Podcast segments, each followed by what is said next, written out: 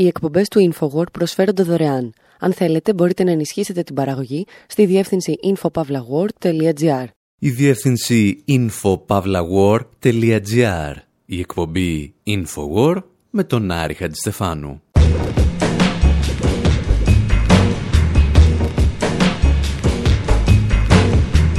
όπου σήμερα μπαίνουμε στον πύργο ελέγχου ενός ευρωπαϊκού αεροδρομίου και κατευθύνουμε τα αεροπλάνα μιας άλλης χώρας.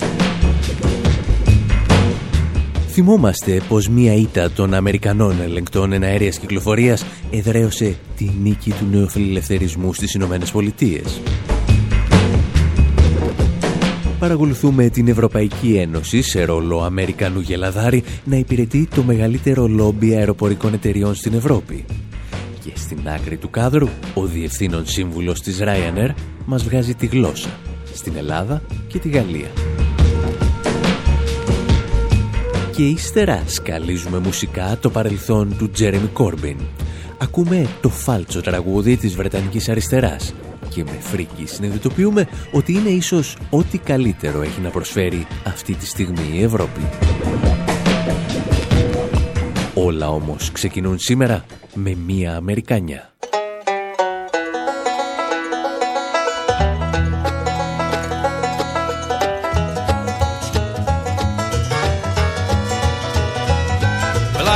Rise at five, just barely alive, and I put on my pretty blue suit. There's snow in the yard and it's coming down hard, so I put on my warm black boots. Cause nothing today is gonna get in my way to keep me from making my rounds. There's other positions for money acquisition, but this be the best that I've found. To be a Pepsi man, I keep bringing those bottles and cans. A Pepsi man, doing whatever I can to keep that Pepsi generation going strong. Well, I grab my stuff and I get in my truck and I start out along my way. But I find right off when my motor coughs that it's gonna be one of those days. I get mad as a hatter, but it don't matter, cause you know I got a job to do. Out in the cold, out on the road, bringing those Pepsis to you, cause I'm a Pepsi man. I keep bringing those bottles and cans. A Pepsi man doing whatever I can to keep that Pepsi generation going strong.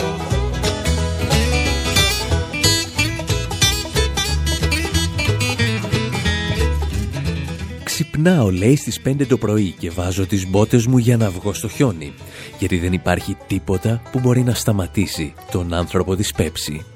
Κάνω ό,τι περνά από το χέρι μου για να κρατήσω ζωντανή τη γενιά της Πέψη. Ο μοναδικός λόγος για τον οποίο ακούμε αυτό το γελαδάρικο ύμνο στη λεγόμενη γενιά της Πέψη είναι μια μικρή ιστορία που βρήκαμε για το συγκεκριμένο τραγούδι στο ίντερνετ. Κάποιοι υποστηρίζουν ότι το τραγούδι το έγραψαν το 1981 δύο ελεγκτές εναέριες κυκλοφορίας, οι οποίοι είχαν μόλις απολυθεί με εντολή του Ρόναλντ Ρίγκαν.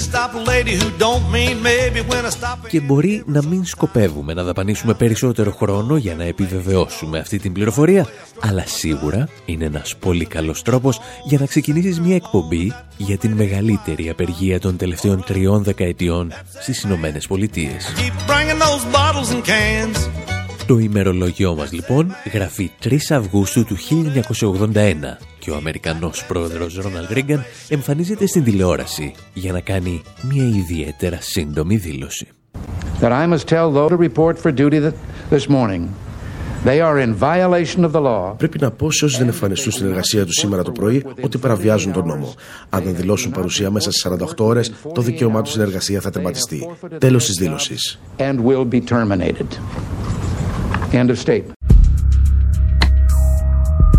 Ο Ρίγκαν δίνει προθεσμία λοιπόν 48 ωρών στους ελεγκτές εναέριας κυκλοφορίας να διακόψουν την απεργία που πραγματοποιούν και η οποία σύμφωνα με το γράμμα της Ομοσπονδιακής Νομοθεσίας ήταν παράνομη. Οι απεργοί δεν υποχωρούν. Συνεχίζουν όμως μόνοι, χωρίς την έμπρακτη στήριξη των μεγάλων συνδικάτων, τα οποία δεν συνειδητοποιούσαν τότε ότι από αυτή τη μάχη θα κρίνονταν τα εργασιακά δικαιώματα για τις επόμενες τέσσερις δεκαετίες. Ο Ρίγκαν λοιπόν επιστρέφει ύστερα από 48 ώρες για να σκορπίσει τον εργασιακό θάνατο. Απολύει 11.345 ελεγκτές εναέρειας κυκλοφορίας. Κυρίως όμως καταφέρνει να τους αντικαταστήσει σε ελάχιστο χρονικό διάστημα και με τις μικρότερες δυνατές συνέπειες για την κυκλοφορία των αεροπλάνων. Τη σημασία εκείνων των ημερών εξηγούσε τρεις δεκαετίες αργότερα το ανεξάρτητο δίκτυο Real News Network. August 5th was the day that then President Ronald Reagan fired more than 11,000 striking air traffic controllers. Η 5η Αυγούστου ήταν η μέρα που ο μετέπειτα πρόεδρος Ρόναλντ Ρίγκαν απέλησε περισσότερους από 11.000 ελεγκτές εναέρειας κυκλοφορίας που απεργούσαν.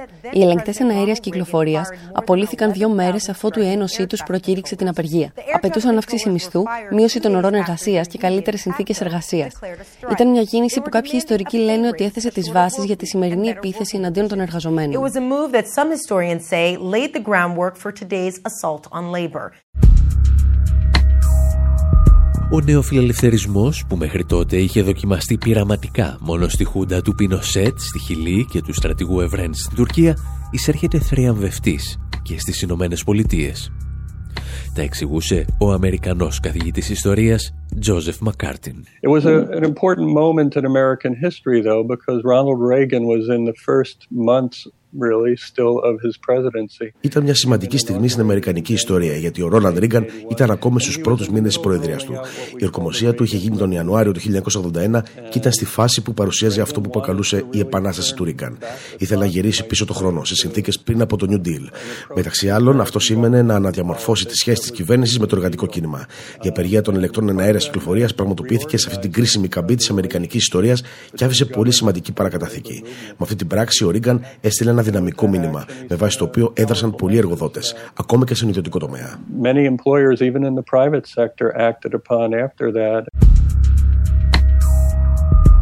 Λίγα χρόνια αργότερα η Μάργαρετ Θάτσερ θα επαναλάβει τον θρίαμβο του Ρίγκαν στη Μεγάλη Βρετανία. Αυτή τη φορά εναντίον των απεργών ανθρακόριχων. And then, suddenly, και τότε ξαφνικά η απεργία κατάρρευσε και το πιο ισχυρό συνδικάτο με τον πιο μαχητικό ηγέτη είχε αποτύχει. Οι πολιτικές επιπτώσεις από την επιτυχία της απεργίας ήταν ανυπολόγιστες.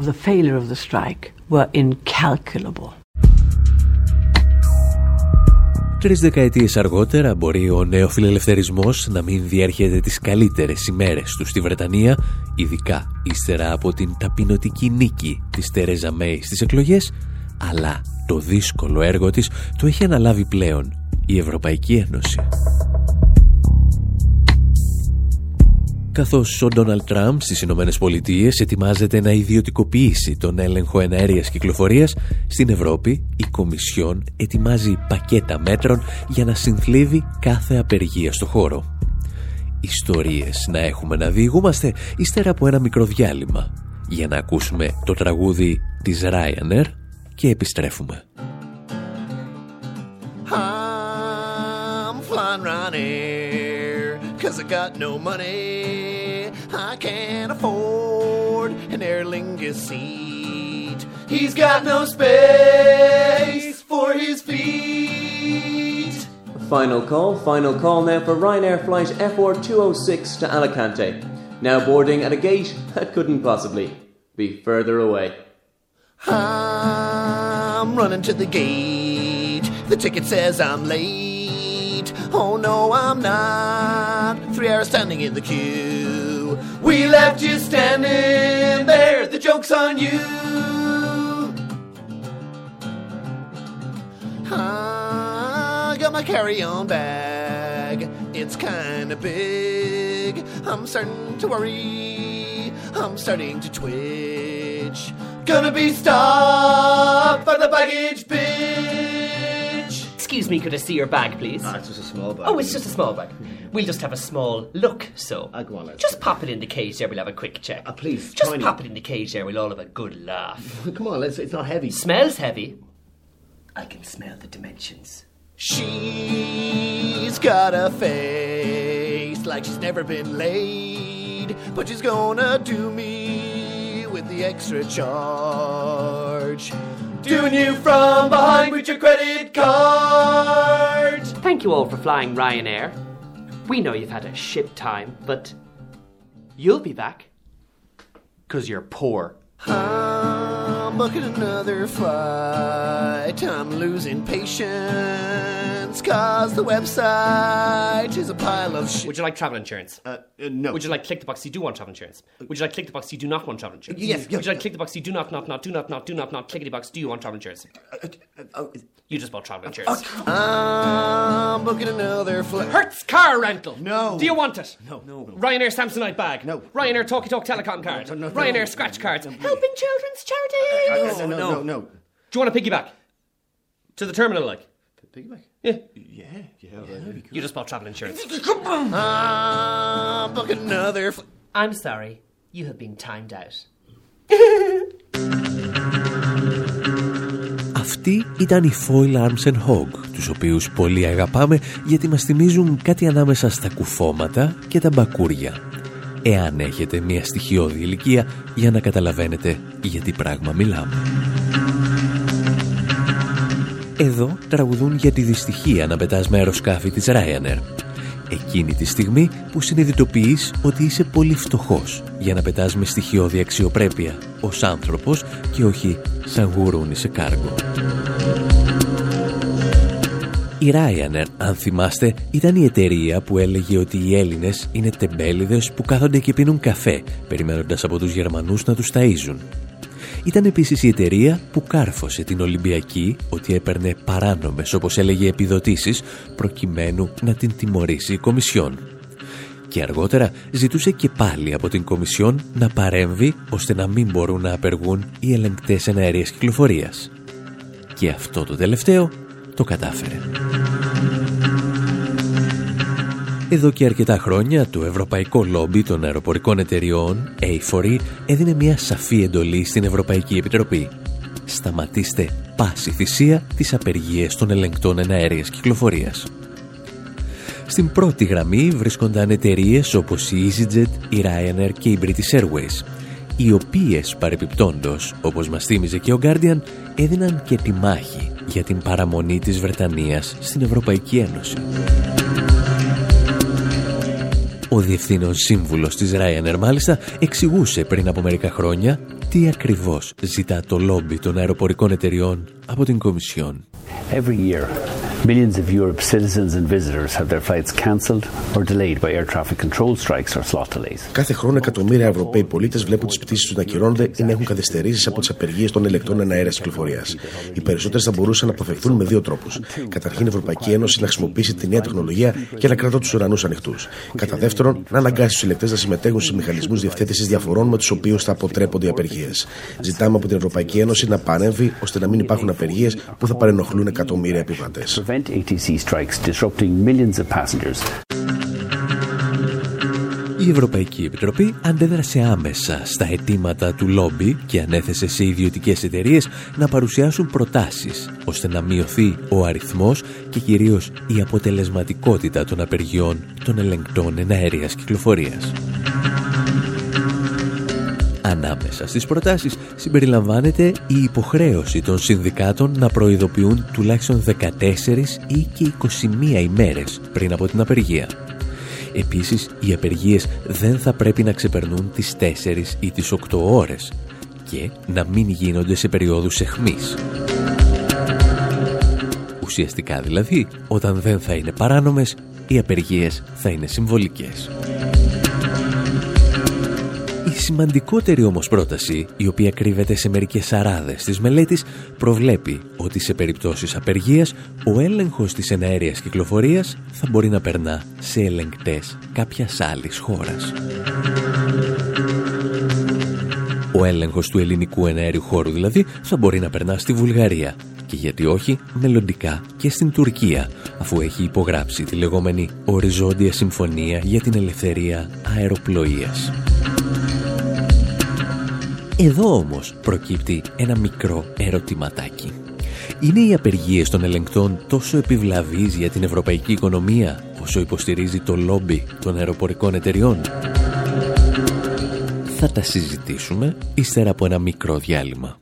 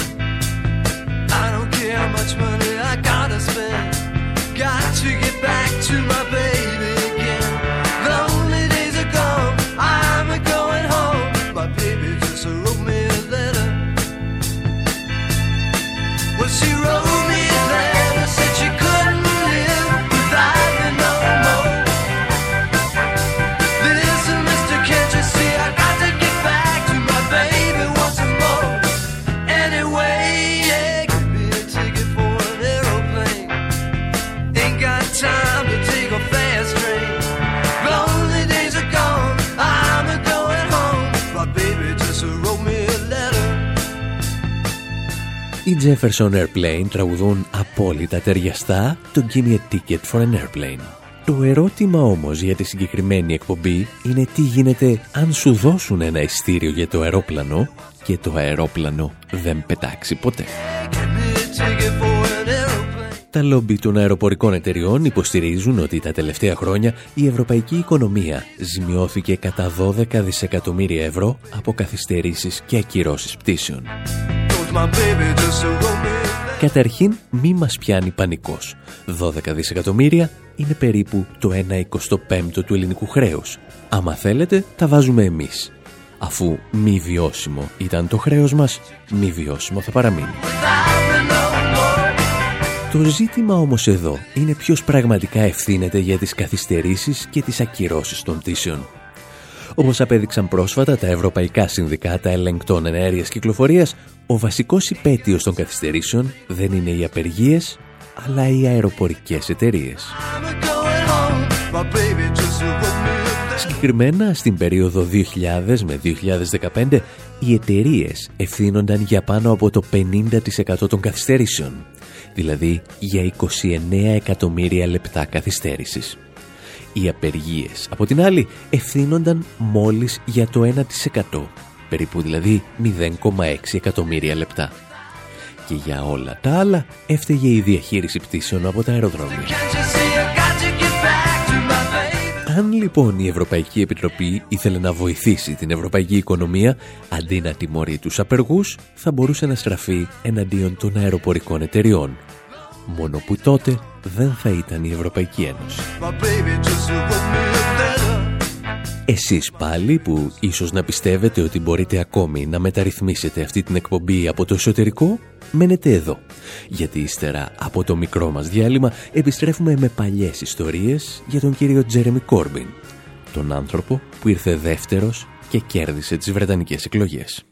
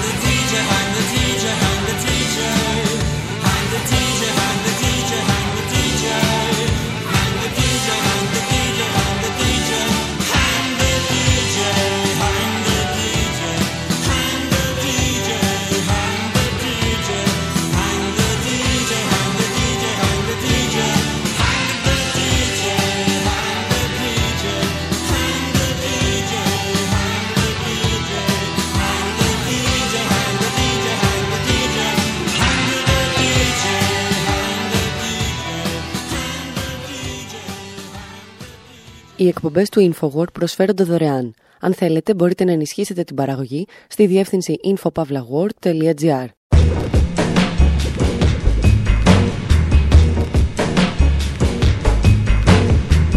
Εκπομπή InfoWar, μέρος δεύτερο.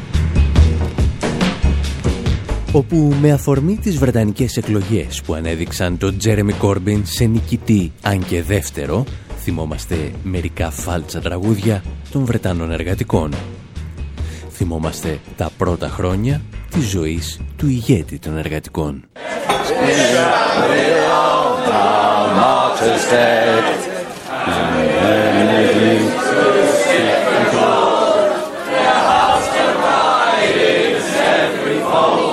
Then raise the scarlet banner high. Beneath its red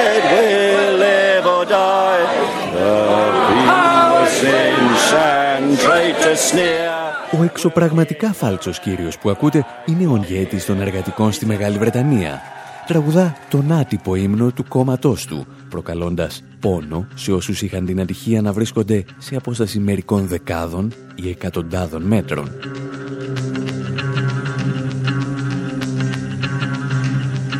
Αυτό το φάλτσο όμως έφτασε μέχρι τις Βρυξέλλες, το Βερολίνο και τη Φραγκφούρτη, όταν ο Τζέρεμι Κόρμπιν σταμάτησε να τραγουδάει και άρχισε να μιλάει. Έλεγε πράγματα ακατάληπτα για τους Ευρωπαίους κομισάριους. Κάτι για κατώτατο μισθό, κάτι για δωρεάν υγεία και παιδεία και τερματισμό της λιτότητας.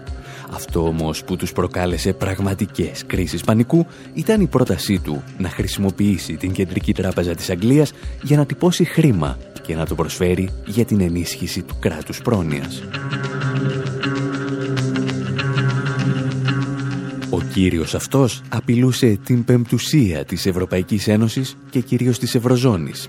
Την αντίληψη δηλαδή ότι οι κεντρικές τράπεζες δεν πρέπει να ελέγχονται από τις κυβερνήσεις και τους πολίτες, αλλά από τεχνοκράτες που θα λειτουργούν είτε σαν πέμπτη φάλαγγα της Ευρωπαϊκής Κεντρικής Τράπεζας, είτε σαν πέμπτη φάλαγγα των τοπικών οικονομικών ελίτ.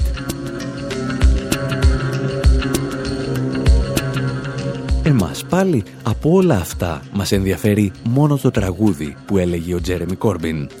Γιατί μέσα από τραγούδια σκεφτήκαμε να σας διηγηθούμε τη ζωή του και μαζί την πορεία των εργατικών από τις αρχές του περασμένου αιώνα μέχρι τις ημέρες μας. Το τραγούδι λέγεται Red Flag και πριν αρχίσουμε να σας διηγούμαστε ένα ή δύο πράγματα γι' αυτό, καλό θα ήταν να το ακούσετε σε μια ελαφρώς καλύτερη εκτέλεση από τον Billy Bragg.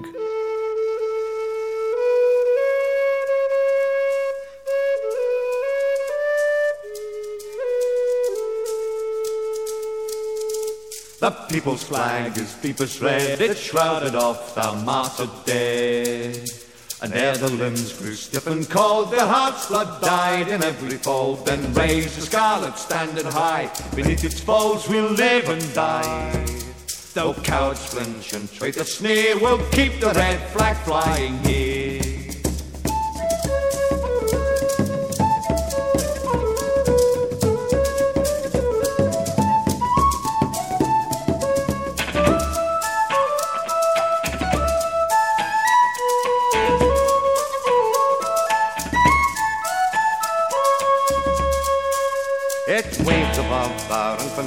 When heads seem dark as night.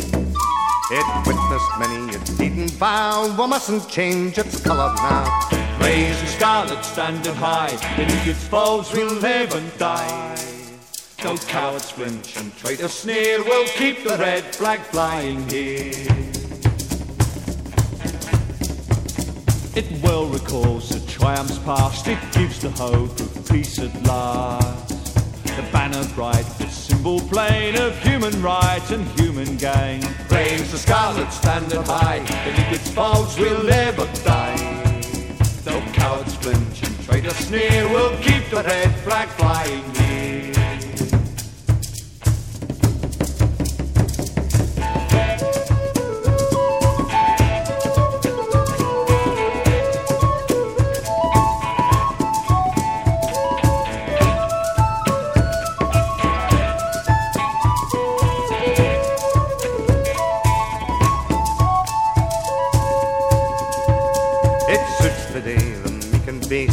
minds are fixed on and place.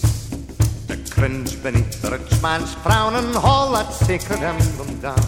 Raise the scarlet standard high, beneath its foes we'll live and die. Though cowards flinch and traitors sneer, we'll keep the red flag flying here. With heads uncovered, swear we all to bear it on board till we fall. Ο Billy Bragg, ο αμετανόητος κομμουνιστής τροβαδούρος της Μεγάλης Βρετανίας, τραγουδά τον άτυπο ύμνο του Εργατικού Κόμματος. Ένα τραγούδι γραμμένο το 1889 από τον Ιρλανδό Jim Connell.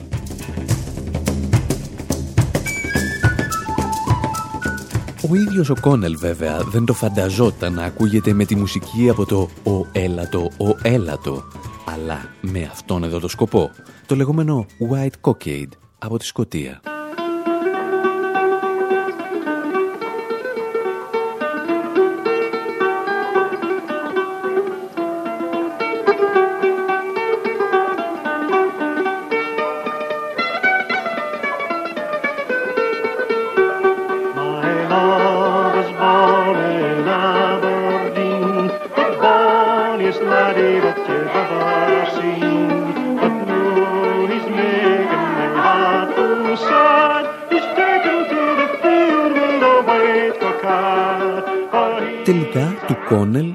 Την έκαναν τη χάρη και έτσι η κόκκινη σημαία του συνδέθηκε με ένα χριστουγεννιάτικο σκοπό.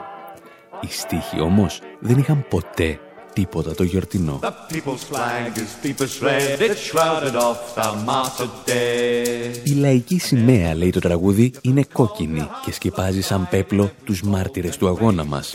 Και αν τα άκρα τους πάγωσαν από το θάνατο, το αίμα της καρδιάς τους βάφει ακόμα την κάθε της πτυχή. We'll keep the red flag flying here. Και αν οι δειλοί κιωτεύουν και οι προδότες μας χλεβάζουν, συνέχιζε ο Κόνελ, εμείς θα υψώνουμε πάντα την κόκκινη σημαία.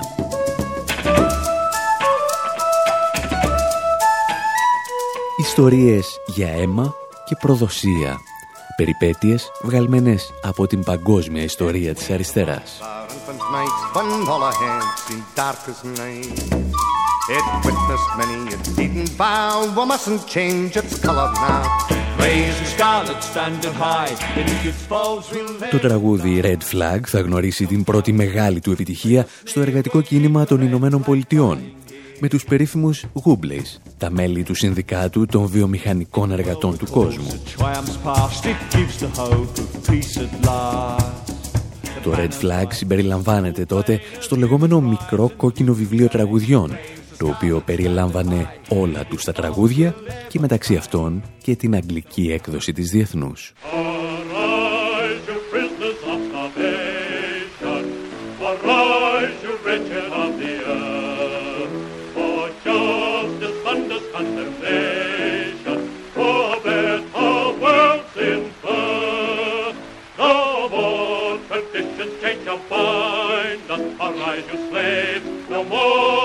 Enthrall. The earth shall rise on new foundation. We have been lost, we shall be all. Tis the final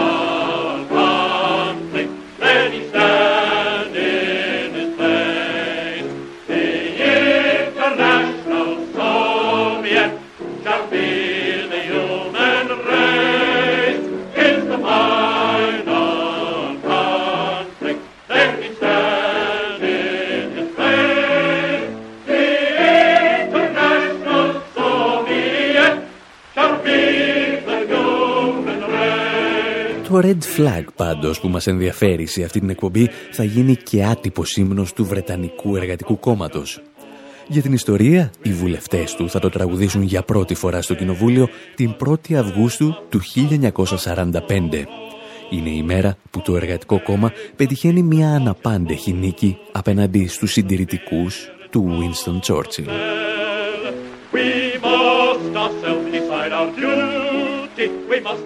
Οι εργατικοί υπό τον Κλέμεντ Άτλη είχαν υποσχεθεί πλήρη απασχόληση, δωρεάν και καθολική ιατροφαρμακευτική περίθαλψη μέσω της αύξησης της φορολογίας και ένα κράτος πρόνοιας στηριγμένο σε ένα κινσιανό πρόγραμμα.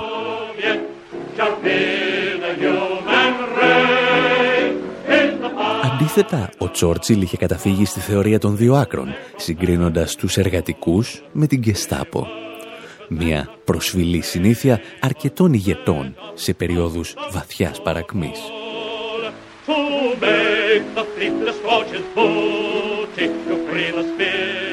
Μια δεκαετία αργότερα πάντως, το πάλε ποτέ περίφημο και υπερήφανο Red Flag θα γνωρίσει διαφορετική μεταχείριση.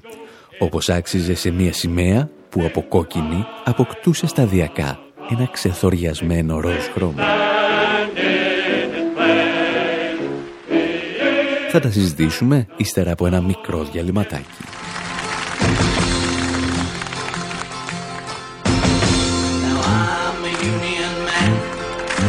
amazed at what I am.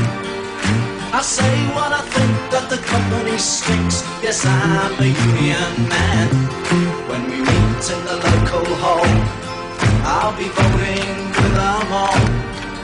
With a a shout, it's out, brothers out, and the rise of the factories fall. Oh, you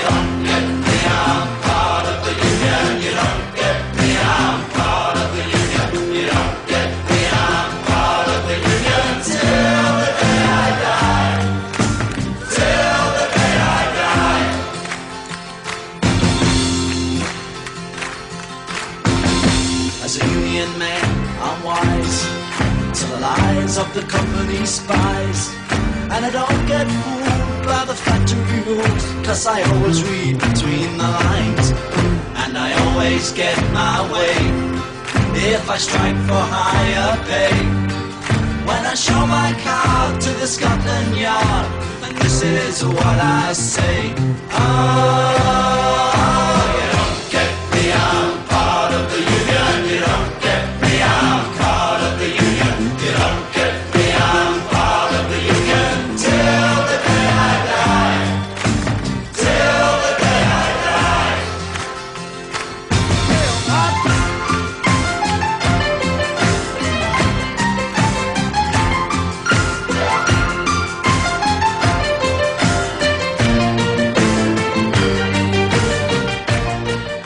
εκπομπή Infowar με τον Άρη Χατζηστεφάνου συζητάμε για την ιστορία της Βρετανικής αριστεράς μέσα από ένα κομμάτι που τραγούδισε φάλτσα ο νέος ηγέτης των εργατικών, ο Τζέρεμι Κόρμπιν.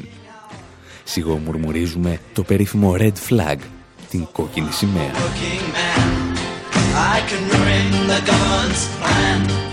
Κάπου εκεί, στα μέσα της δεκαετίας του 50 λοιπόν, καθώς το εργατικό κόμμα αρχίζει να χάνει τα σοσιαλιστικά του χαρακτηριστικά, τα παιδιά σε αρκετά σχολεία τραγουδούν μια παραλλαγή του Red Flag.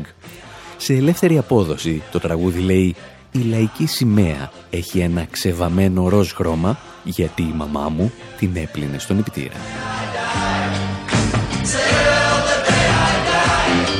Μέχρι τη δεκαετία του 80, καθώς τα πράγματα χειροτερεύουν για τη Βρετανική αριστερά, κυκλοφορούν δεκάδες ακόμη σατυρικές διασκευές που πήγαιναν κάπως έτσι.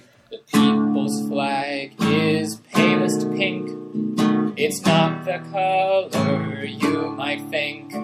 White collar workers stand and cheer. The labor government is here.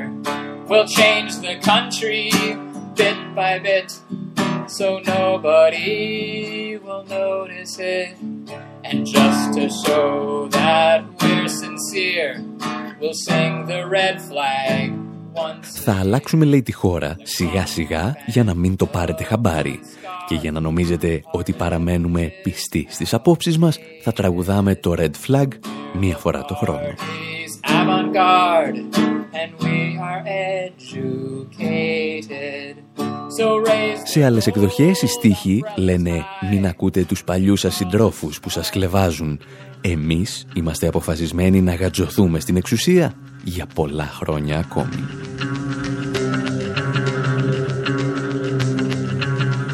Και πράγματι, κάπως έτσι έχουν τα πράγματα για τους Βρετανούς εργατικούς.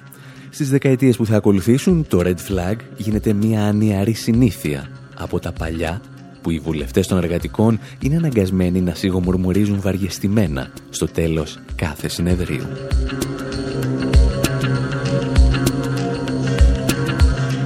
Όσο όμως παρακμάζουν οι εργατικοί και μετατρέπονται στο αντεστραμμένο είδωλο των συντηρητικών, τόσο βελτιώνονται οι σατυρικές εκδοχές του Red Flag. Για να φτάσουμε στην διασημότερη όλων. Ο Λέον Ρόσελσον τραγουδά το Battle Hymn of the New Socialist Party.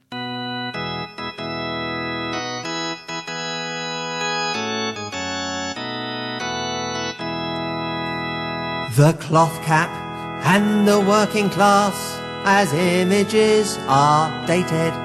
For we are labour's avant-garde and we were educated. We feel we ought to drop clause four to make the public love us more. And just to show we're still sincere, we sing the red flag once a year. Firm principles and policies are open to objections and a streamlined party image is the way to win elections. So raise the red rose on high, the well-cut suit, the tailored tie. We'll stand united, raise a cheer and sing the red flag once a year. Τα κασκέτα και η εργατική τάξη είναι ξεχασμένες εικόνες, τραγουδά ο Ρόσελσον και σπέβει να επαναπροσδιορίσει το υποκείμενο του Βρετανικού σοσιαλισμού ως μια avant-garde μιας παρέας καλοσπουδαγμένων στελεχών. A leftward shuffle, a rightward tack, then pause to take our bearings. Κάνουμε, λέει, ένα βήμα μπρος και ένα βήμα πίσω. Στρίβουμε λίγο δεξιά και ύστερα το μαζεύουμε ελαφρώς αριστερά. Ψηφίστε λοιπόν εμάς και όχι αυτούς, γιατί είμαστε εξίσου πιστοί στο ΝΑΤΟ.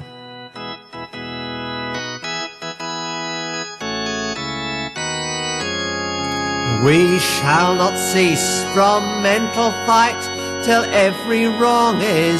is.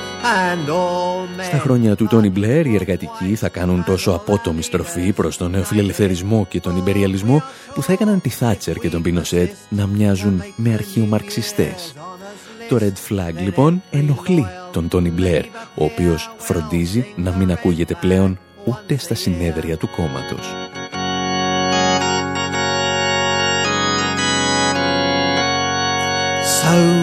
Πώς φτάσαμε λοιπόν σήμερα ο νέος ηγέτης των εργατικών να ξεκινά με το Red Flag τη θητεία του και τι σημαίνει αυτό για την πορεία της ευρωπαϊκής αριστεράς; Σκεφτήκαμε ότι ο καλύτερος τρόπος να σας τα διηγηθούμε όλα αυτά είναι με τραγούδια που υποθέτουμε ότι στιγμάτισαν την πολιτική του ζωή και μαζί την πορεία της αριστεράς στη γυραιά Αλβιώνα αλλά και τη γυραιά Ήπειρο.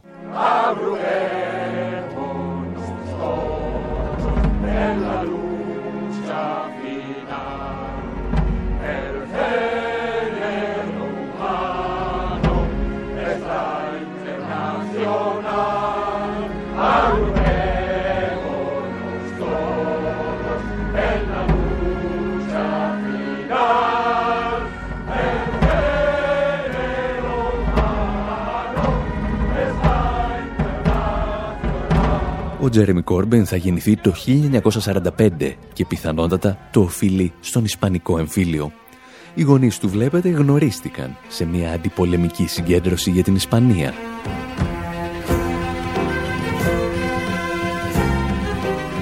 Όταν ακόμη οι Ευρωπαίοι ηγέτες υποστήριζαν τον Χίτλερ και τον Φράνκο απέναντι στους κομμουνιστές και τους αναρχικούς που μάχονταν τον φασισμό, οι γονείς του Κόρμπιν στήριζαν τις προσπάθειες των διεθνών ταξιαρχιών τις ηρωικές εκείνες φιγούρες που εγκατέλειπαν τα σπίτια τους για να πολεμήσουν τους φαλαγγίτες του Φράγκο.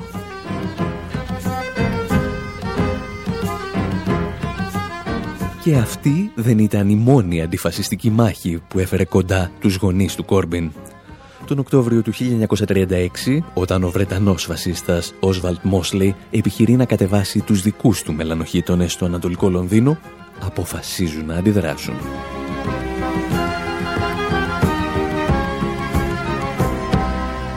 Διόλου συμπτωματικά το ίδιο ακριβώς είχαν σκεφτεί και 100.000 άλλα άτομα που δεν θα επέτρεπαν σε κανένα φασίστα να κυκλοφορεί ανάμεσά τους.